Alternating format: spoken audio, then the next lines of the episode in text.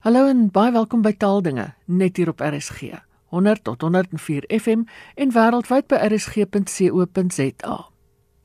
My gas is die vertaler en taalversorger Tom McLaglen en ons praat oor sy vertaling van die gedragskode vir regspraktisyns en sommer 'n bietjie oor vertaling in die algemeen. Tom, jy het 'n ruk gelede die gedragskode vir regspraktisyns in Afrikaans vertaal. Nou regsdokumente is gewoonlik bietjie tegnies. Hoe het jy die vertaling benader? Ja, nou, ek moet in die eerste plek vir jou sê dat ek nie 'n regsgeleerde is nie. Ek het 'n taalagtergrond, so ek werk vanuit 'n taaloogpunt, nie vanuit 'n regsoogpunt nie. Ek het die voordeel gehad in die ou dae, sal ek nou maar sê, dat ek in die staatstaaldiens gewerk het waar ons met baie uh, wetgewing gewerk het. Nie noodwendig wette van die parlement nie, maar gewoonlik ondergeskikte wetgewing soos proklamasies of uh, regulasies en so aan. En dit het uh, vir my geleer hoe om met hierdie soort teks om te gaan. Nou dit is tegnies om verskeie redes. Dus in die eerste plek kan dit terminologies baie tegnies wees. Met ander woorde, as jy nou 'n wet het wat op 'n bepaalde terrein het sê nou maar omgewingsbewaring of die lugvaart of wat die geval mag wees, dan kry jy dikwels terme wat uh, op daardie uh, vakgebied uh, gebruik word en dit moet 'n mens dan onder die knie kry. Dan is daar doodgewoon goed soos weet jy tipografiese uitleg. Want die uh wetgewing het dikwels 'n bepaalde manier waarop hy uit uiteengesit word op 'n bladsy. En en uh omdat ons eintlik vandag nog steeds hoeveel dit gebeur, weet ek nie, maar vandag nog steeds twee tale het. Moet die twee goed eintlik soveel as moontlik ooreenstem op die, op op teenoorstaande bladsye. Ja ja. Dan moet 'n mens uh, uh, ag neem dat jy baie dikwels uh, kom ons sê noem dit nou maar aanloopsinne kry. Met ander woorde, daar is 'n uh, aanvanklike deeltjie wat op 'n hele paar genommerde onderafdelings van toepassing is. Uh kom ons sê nou maar iets soos uh die minister moet a dit of dat doen, B die volgende doen en so aan. En nou moet 'n mens elke keer seker maak dat daai sin korrek voltooi word. Die mens is baie keer nogal geneig om te vergeet. Wel hoe jou aanloopsin is en hoe jy die onderafdelings moet vol voltooi. En dan uh, is dit natuurlik maar die wetgewing het 'n bepaalde manier van dinge stel. Jy moet nou maar uh, daar aan manifesteer gedoen word en so aan. So en daardie opsig is dit tegnies, maar dis nou ook nie asof jy nou in uh, Grieks of Russies werk of so iets. Vertel 'n bietjie van die soort kwessies of struikelblokke wat jy moes oorkom met hierdie spesifieke vertaling van die gedragskode van die regspraktisyns. Kyk, uh vir my is die eerste ding wat ek moet doen as ek so teks het wat vertaal moet word, is ek gaan na die betrokke wet toe. Want dit bepaal vir my eintlik alles wat ek moet doen. Jy weet as die uh as die wet in die geval is dit nou die wet op regspraktyk as hy byvoorbeeld praat van 'n uh appeltribunaal hmm dan kan ek nie in die vertaling daarvan dit 'n appelliggaam maak nie. O ja, ja. Of uh jy weet of as hulle praat van 'n dissiplinêre liggaam kan ek dit nie 'n tugliggaam maak nie. Ek hou my streng so ver as wat ek moontlik kan by die bewoording of die terme wat in 'n in die wet gebruik word. Nou in hierdie geval het, het die terme vir my nogal 'n bietjie 'n probleem opgelewer want onthou nou in hierdie kode soos in baie ander ondergeskikte wetgewing is daar wat genoem word woordomskrywings. Dan word sekere kernterme word gedefinieer. Ja. En wanneer die betrokke stuk geïnterpreteer of vertolk moet word, dan is daai woordomskrywing die ding wat sê so moet jy hierdie en daardie ding verstaan. Nou in hierdie geval gaan dit oor regspraktisyns. Nou regspraktisyn word dan omskryf as 'n advokaat of 'n prokureur en hulle moet dan op hulle gewone manier uh jy weet toegelaat en uh, ingeskryf wees. Dan kom jy dan omskryf hulle uh advokaat. En advokaat beteken 'n regspraktisyn wat so toegelaat is. Nou sien jy onmiddellik is daar al 'n probleem want om te verstaan wat sê 'n uh, legal practitioner who is admitted and enrolled dan kan dit ook 'n prokureur wees. Ja. ja. So 'n mens moet daar 'n bietjie dit is 'n bietjie moeilik geweest in die opsig, maar die grootste probleem vir my was dat die Engelse teks advocate sowel as counsel gebruik. Nou as 'n mens ehm um, na die TV stories uit Amerika kyk dan sou jy sien hulle dis dit was counselor wat hulle van praat ehm um, of uh, of by ons is dit ook counsel for the defense of wat wat die geval ook al mag wees. Nou in al die bronne wat ek het, daar's nou 3 of 4 regswoordeboeke en ek het gaan kyk hoe goed soos die eenvormige hofreëls en al wat dit wet is wat ek kon opspoor wat dit moontlik kan inkom word counsel vertaal met advokaat. Hmm. Nou kan jy dadelik sien as jy advokaat het wat reeds omskryf is, advocate is 'n advokaat en nou jy nog counsel ook wat ook 'n advokaat is, dan dan sit jy nou met 'n probleem. Want hoe onderskei jy tussen die twee? En uh ek het toe met van die mense wat by raadgewers was in in, in die geval ehm um, ek dink bietjie gesels en gewonder hoe kan ons dit uitskakel? En een van die uh, oplossings was toe om counsel te identifiseer as 'n advokaat wat in 'n bepaalde artikel van die wet genoem. Maar dit het verskriklik lomp geword. Ek toe 'n vriend van my wat jare lank uh, by die staatsregsadviseurs was, hy was 'n jong staatsregsadviseur en baie ondervinding van 'n wetsopstelling en seker so wat goed gehad het ek het hom toe gevra en hy het toe by die oplossing gekom dat ons advocate vertaal met advokaat en counsel vertaal met consultus. Nou jy weet dis daar met al die hoë lyse hofsaake wat aan die gang is, weet die mens dat hulle word gewoonlik verteenwoordig deur uh, mense wat uh, advokate wat SC genoem word. Ja. En daardie SC staan uh, is Latyn vir senior consultus met 'n daai consultus word dan met 'n C gespel. Maar ek het ook gaan soek 'n bietjie op die internet en dan verskeie ander tale gekry dat dit ook met 'n K gespel kan word. En daar was tyd en daar in elk geval ek weet nie of die tydskrif nog bestaan nie, was daar 'n tydskrif in Suid-Afrika genaamd Consultus. En ons het toe besluit om die woord consultus met 'n K gespel te gebruik waar die Engels in hierdie uh, kode counsel het en advokaat waar uh, dit advocate het. Maar daar was ook 'n term in die praktyk wat gebruik word waarmee jy nie saamgestem het nie. Vertel 'n bietjie meer daarvan. Wel kyk soos ek jou net gesê het, ek is in die eerste plek 'n uh, taalagtergrond, nie regsagtergrond nie. Maar wanneer 'n mens iets vertaal, dan moet jy tog sekerlik sekere goed eh, jou teken gehoor as dit ware in ag neem. Ja. Nou so het ek toe nou uh, gesukkel met wat die uh, wat in die Engels genoem word 'n brief. Dit is die opdrag wat aan 'n uh, advokaat gegee word. En dan ook die betaling wat 'n advokaat kry. Hmm. Dit is in Engels fees. Nou, sekere prokureur op, maar dit is uh, uh, fees.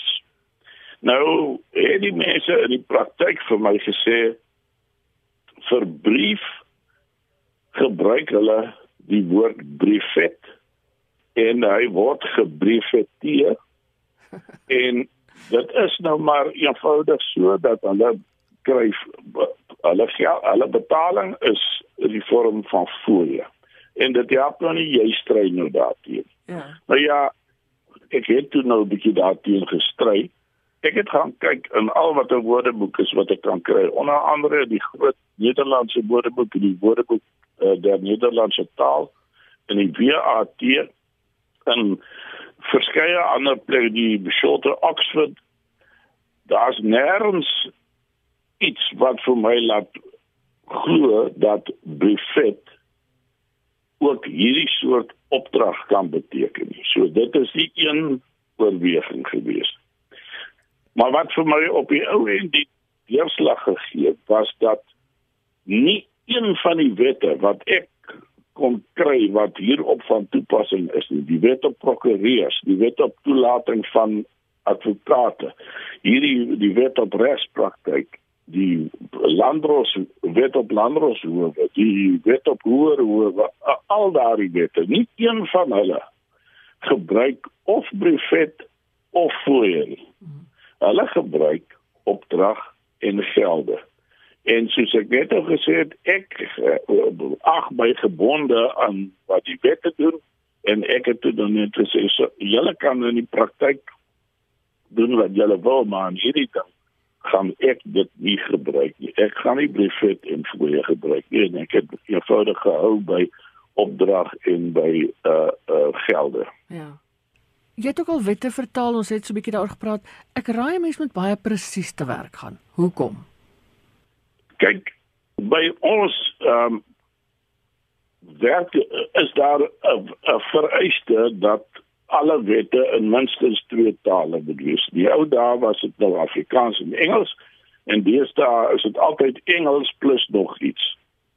Nou soos ek verstaan en uh, ek spreek onder korreksie want soos ek gesê het, ek is nie regsgeleerde nie, maar soos ek dit dan verstaan, is die twee tekste gelykwaardig. Ja. In alle opsigte. Behalwe as daar op 'n bepaalde punt, sê dan maar een of ander bepaling in 'n uh, in 'n wet, 'n verskil tussen die twee tekste is.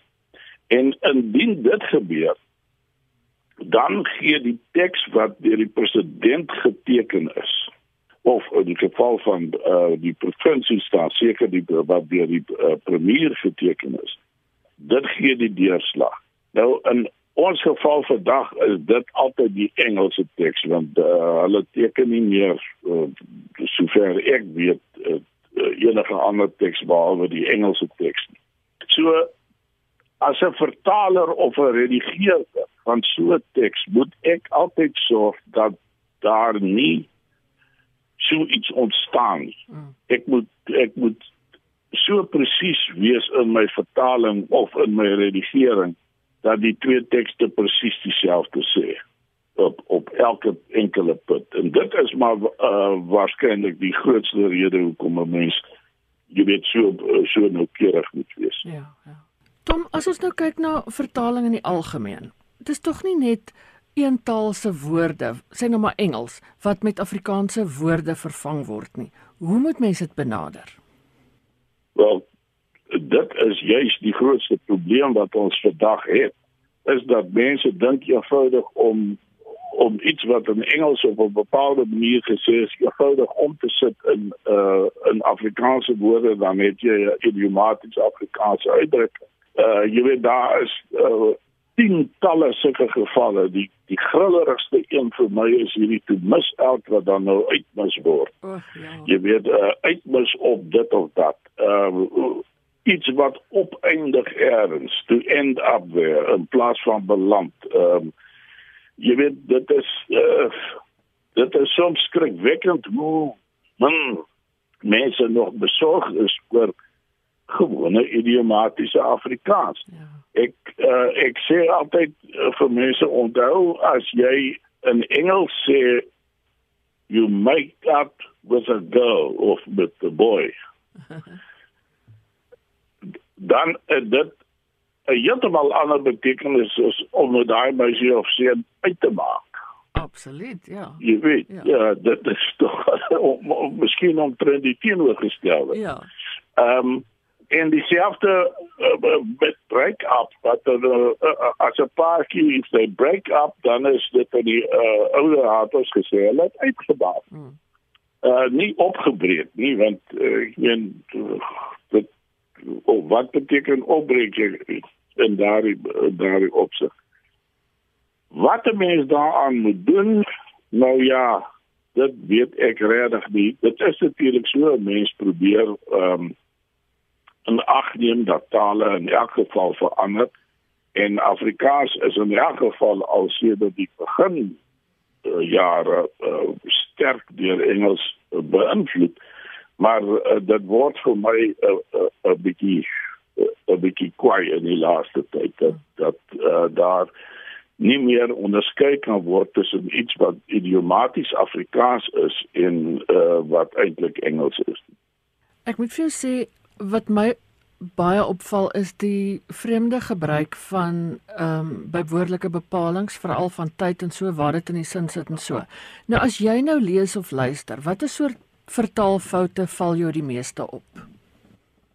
Ja, dit is nou maar die wat ek nou uh, pas genoem het, jy weet dat ehm um, dat dit absoluut in alle opsigte die Engelse patroon vol. Ja. Uh, dit is wat my betref die die groot die meeste foute wat ek uh, raak sien in in in die sin.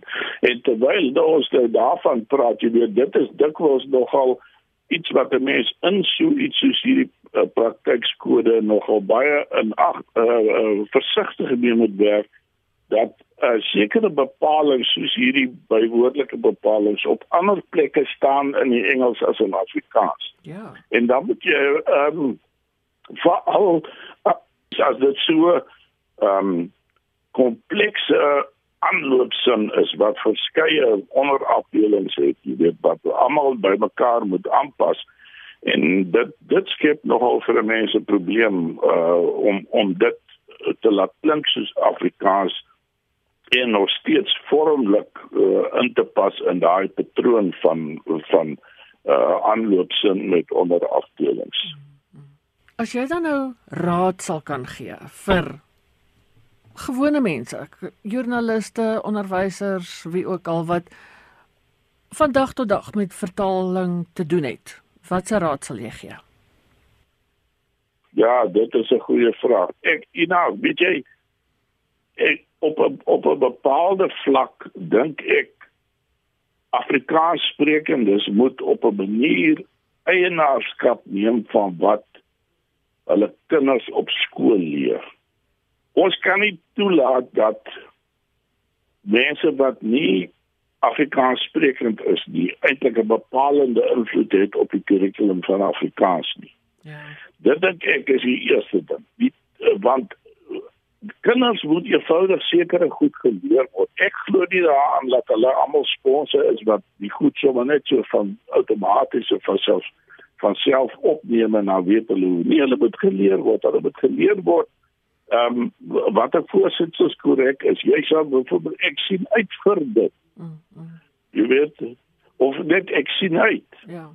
Wat wat vreemde daar moet sekere goed met kinders net eenvoudig geleer word dan dink ek ook 'n mens moet nooit vergeet hoe nuttig woordeboeke is nie.